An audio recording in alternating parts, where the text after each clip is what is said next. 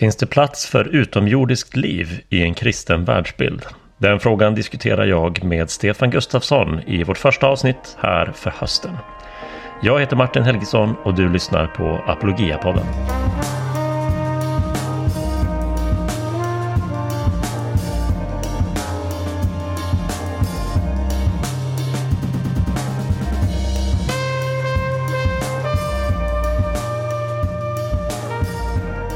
Hallå Stefan! Härligt att vara tillbaka i poddstudion med dig igen. Hur är läget? Läget är bra, instämmer. Det är roligt att vara tillbaka här och spela in podd. Det är roligt att få se fram emot en ny termin med Apologia. Mm.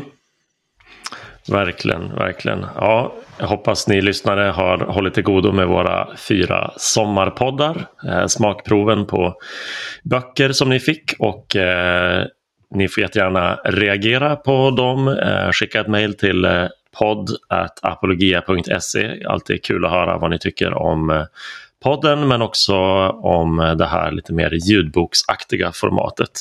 Säg gärna till om det är något som ni tycker att Apologia borde satsa mer på. Detta med ljudböcker. Men eh, nu ska vi eh, starta en ny termin och det händer lite allt möjligt i Apologia och eh, en av de stora sakerna som händer som vanligt när en ny termin börjar är ju att vi startar upp våra distanskurser. Och det händer nu på måndag den 6 september. Stefan, eh, varför skulle man vilja haka på en distanskurs med tanke på hur mycket apologetiskt material som bara ligger på Youtube eller i den här podden? Bra fråga. Bra fråga. Vi lever ju en, i, en, eh, i det man kallar för informationssamhället. Eh, och det gör ju att väldigt mycket information, också bra apologetisk information, finns tillgängligt eh, eh, på väldigt många ställen och det ska man ju vara tacksam för. Samtidigt så tror jag de flesta av oss också känner av det här att informationssamhället är så enormt överväldigande. Det är så mycket material eh, och det mesta bara fladdrar förbi i eh, olika eh, sociala flöden. Och det är väldigt svårt att veta vad ska man satsa på? Eh, vad är bra? Vad är mindre bra? Vad är... Ehm, eh, och jag tror de flesta av oss, det, det, trots att det finns liksom tillgängligt för oss, så bara flyter det förbi. Eh, och då är ju poängen med eh, en distanskurs att här kan man få gå på djupet med, och det vågar jag säga, med högkvalitativt material. Eh, och verkligen eh, få hjälp att, eh, att tränga in i ett område och även om det kommer finnas väldigt mycket mer kvar, ändå börja behärska ett område. Mm, verkligen och eh, en stor poäng är också att man gör det tillsammans med andra. Lärande är ju någonting som sker bäst i grupp, eh, både med eh, så att säga kursledare men också med andra som lär sig samtidigt och ett utbyte av reflektioner och lärdomar. Så, så det är bara ytterligare en dimension av varför man lär sig så mycket mer och får så mycket mer eh, sammanhang och liksom eh, inte bara information utan eh, eh, chans att reflektera över hur man tillämpar de här kunskaperna på ett bra sätt. Man får chans att ställa frågor, eh, att eh, kunna reagera på ett material, få ställa frågor, få lyssna till andra människors frågor och på det sättet komma in i en, eh, i en process av bearbetning. Och jag tror de flesta av oss eh, har haft den här eh, erfarenheten av att man har, man har läst någonting eller man har lyssnat till någonting och sen en timme senare eller ett dygn senare eh, så har det mesta av det där det har liksom bara runnit bort därför att man har inte fått hjälp med den här bearbetningsprocessen. Och det är det som eh, man får på en sån här kurs. Få bearbeta det själv och få bearbeta det tillsammans med andra. Precis. Ja, vi kör eh, fyra kurser i höst. Eh, den eh, som vi ofta repeterar nästan varje termin är Förklara och försvara. Det här är vår introduktionskurs till apologetik. Stefan, vill du säga någonting om den? Både du och jag finns med i den kursen.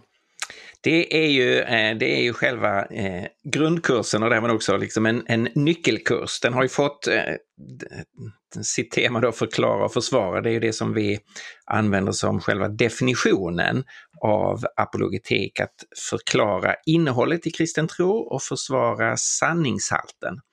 Så eh, det, det där är en, en eh, dörröppnare in till mycket annat att eh, gå den kursen.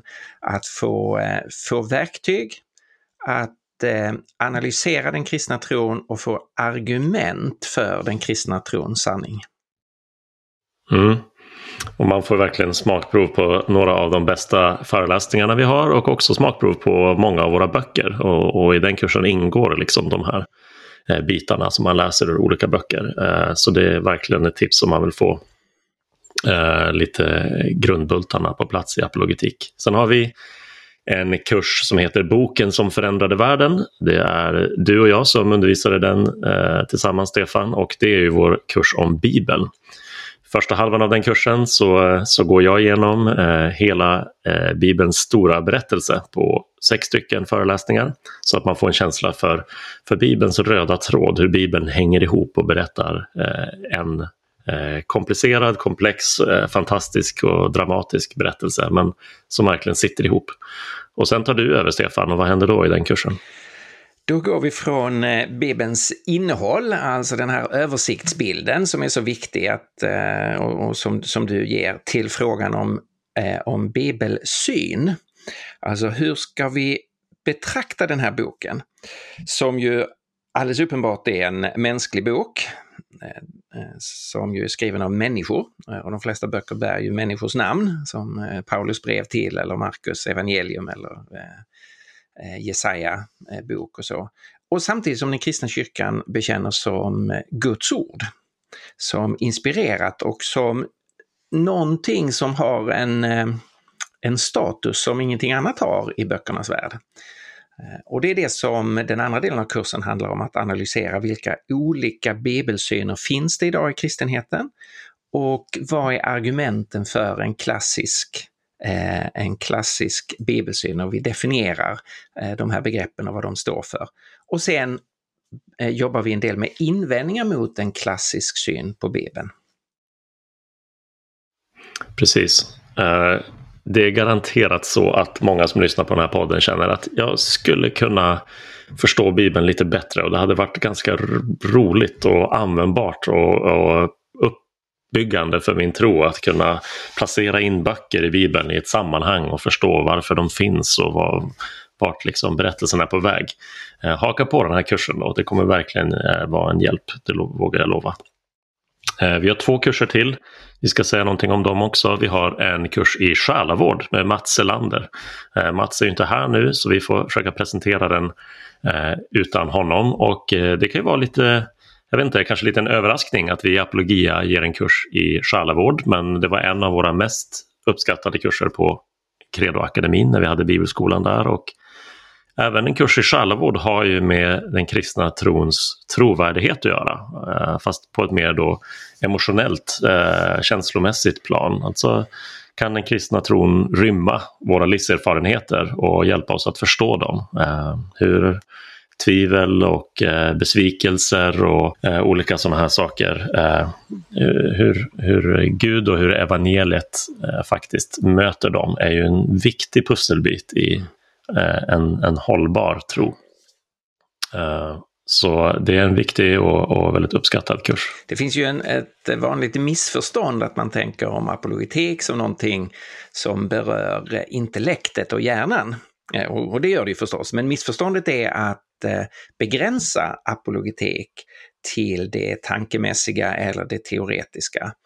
Eh, och för oss i apologia så är det ju självklart att, eh, att förklara och försvara den kristna tron måste beröra hela människan och måste beröra hjärta lika mycket som hjärna, eh, våra erfarenheter och upplevelser lika mycket som, som argument och resonemang.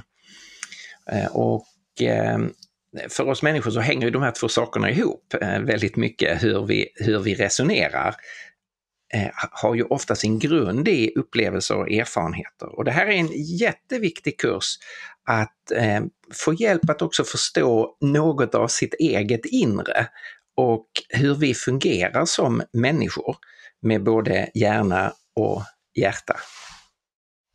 Mm.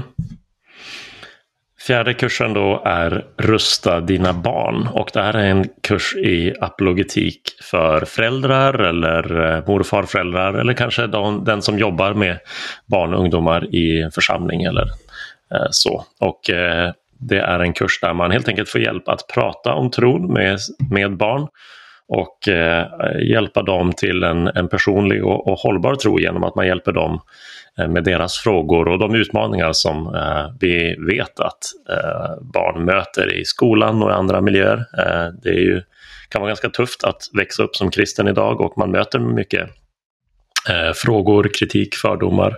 Eh, och eh, det är också ett tillfälle att Eh, växa i förståelse och gå djupare och se att den kristna tron håller. Men då behövs det vuxna som eh, inte är rädda för de här frågorna utan kan eh, hjälpa en till, till svar, hjälpa en att reflektera över dem. Och om du vill vara en sån vuxen, då är den här kursen kanonbra. Sofia Ödman, som är barnpedagog och även kollega till mig i Roseniuskyrkan, hon håller i den här kursen och så gästspelar du och jag, Stefan, och även Ray och Mats och, och pratar om olika ämnen, olika teman där. Man läser tillsammans eh, då boken som heter Rusta dina barn av Natasha Crane och eh, det verkligen eh, har föräldrar och andra som har gått kursen och det var en stor grupp förra terminen som gick den här kursen var entusiastiska och peppade över att få prata tro med, mm. med barnen i deras liv efter den här kursen. I, i den kristna församlingen så är ju Eh, Eh, så är ju eh, mission och evangelisation, det är ju självklara begrepp. Alltså att, eh, och det handlar ju om att ge evangeliet och ge Guds kärlek vidare. Och något av det viktigaste, de viktigaste relationerna där att kunna ge evangeliet vidare, det är ju i de nära relationerna i familjen mellan föräldrar och, och barn och över generationerna. Och samtidigt så är det inte alltid, eh, Eh, det är inte alltid så självklart. Man behöver hjälp. Hur kan vi prata om tron eh, i familjen? Så det här är en, en eh, jätteviktig kurs.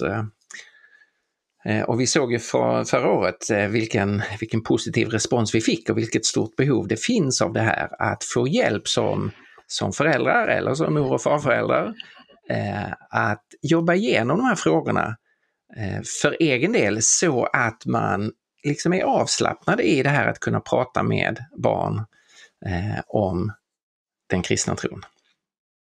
Mm. Ja, och nu sitter ju du eh, som lyssnar eh, på det här och tänker, men det är bara några dagar kvar tills kurserna börjar. Tänk om platserna tar slut. Men eh, vi är inte så grymma att vi skulle ge dig 10-11 minuter av eh, eh, information om de här kurserna om det inte fanns platser kvar. Det gör det. Det finns platser kvar på alla fyra kurserna och du kan anmäla dig på apologia.se. Det är en gemensam uppstart måndag den 6 september klockan 19. Men även om man missar den kan man haka på eh, under eh, hela den veckan. Eh, för sen drar kurserna igång ordentligt med start eh, från den 13 september. Eh, så, så det finns chans att haka på hela veckan. Eh, kolla upp kurserna på apologia.se, anmäl dig där och eh, hoppas verkligen vi ses på, på någon av de här kurserna. De, de kräver i genomsnitt skulle jag säga två, tre timmar i veckan eh, av liksom engagemang och eh, studier så att de går utmärkt att kombinera med, med annat som man har eh, och måste göra plats för i livet. Ehm, en sista sak är också ett tips att man kan gå en sån här kurs med sin hemgrupp i kyrkan. Vi erbjuder rabatt om man anmäler en grupp på fem personer eller fler. Eh, och det är ju ett utmärkt sätt att, att få något att prata om tillsammans i hemgruppen och, och vara med om en, en intressant, fördjupande, berikande upplevelse tillsammans. Men eh, det här är inte bara ett avsnitt av reklam. Vi ska också prata om eh, ufon och utomjordingar. Vi är tillbaka efter pausen och hör vad Stefan tänker om det.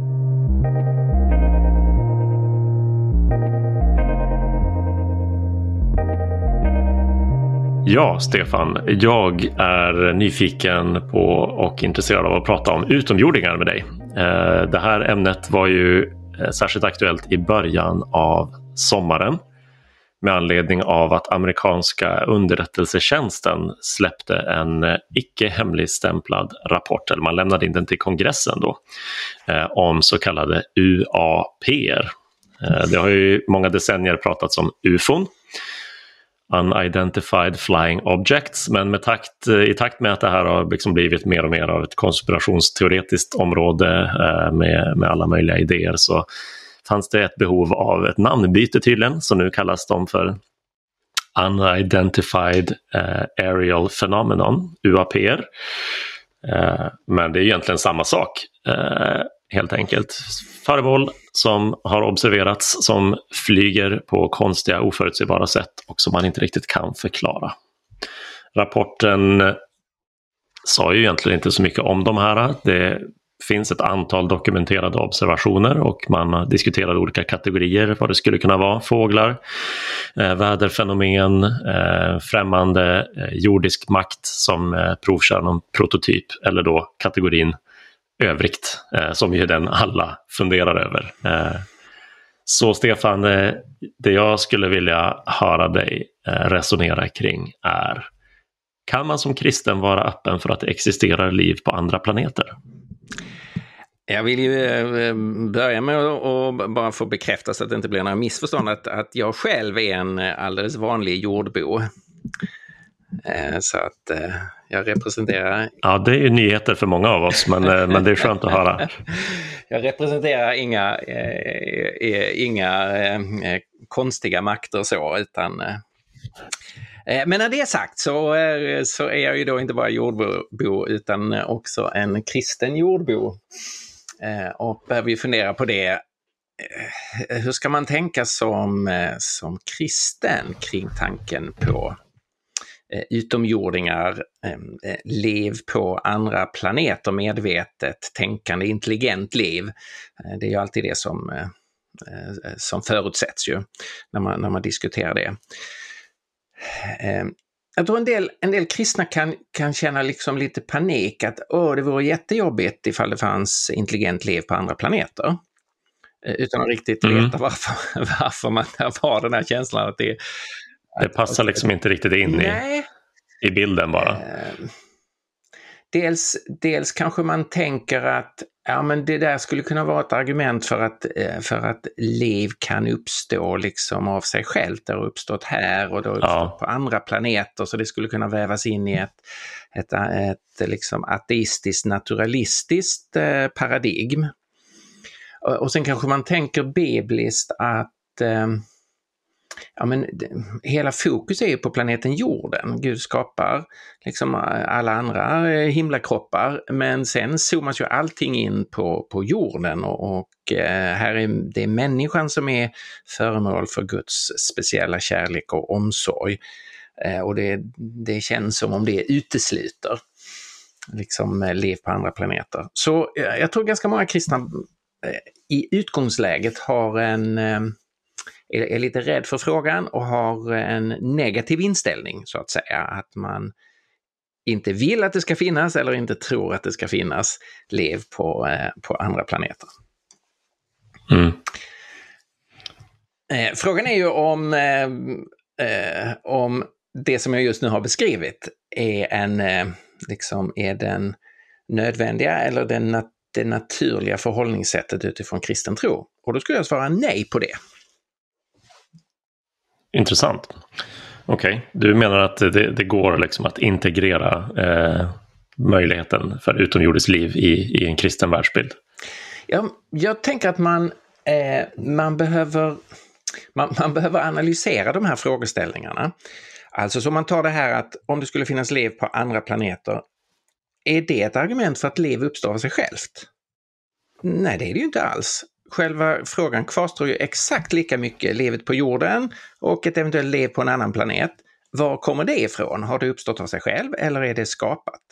Så eh, i sig självt är liv på andra planeter inget argument för ateism eller naturalism eller eh, att liv uppstår av sig självt. Utan den frågan är for, fortfarande lika öppen som tidigare. Är liv skapat eller är det på något sätt självgenererat från, eh, eh från eh, ett, ett materiellt universum? Ja, livets uppkomst eh, måste förklaras då, inte bara eh, i ett fall utan i flera och eh, sen kvarstår ju frågorna kring eh, så att säga universums och kosmos ursprung också. Eh, vad har orsakat eh, universums början, eh, finjustering för liv och så vidare. De här frågorna, de här ledtrådarna, intuitionerna om att, eh, om att eh, Gud ligger bakom mm. kvarstår ju. Det gör de och om det nu är intelligent liv, var kommer intelligens ifrån? Ehm, Precis. Så, så alla, alla argument för en intelligent skapare eh, kvarstår ju liksom oanfrätta kan man säga.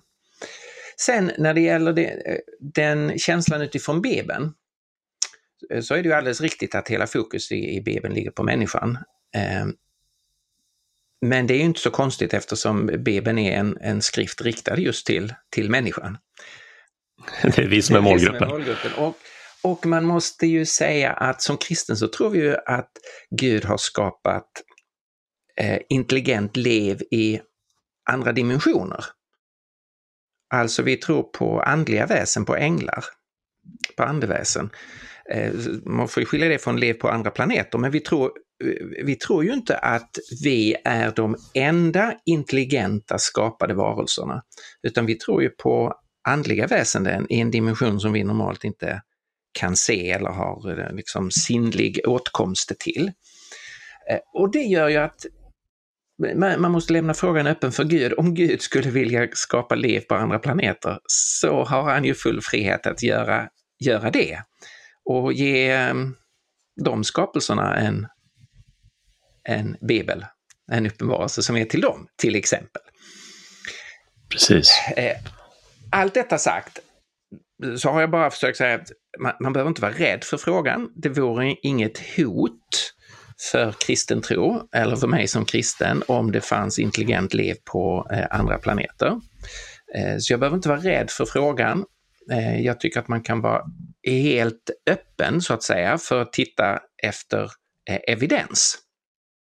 Vilket är den naturliga hållningen för en människa, för en kristen, att man är, eh, att man är öppen för evidens.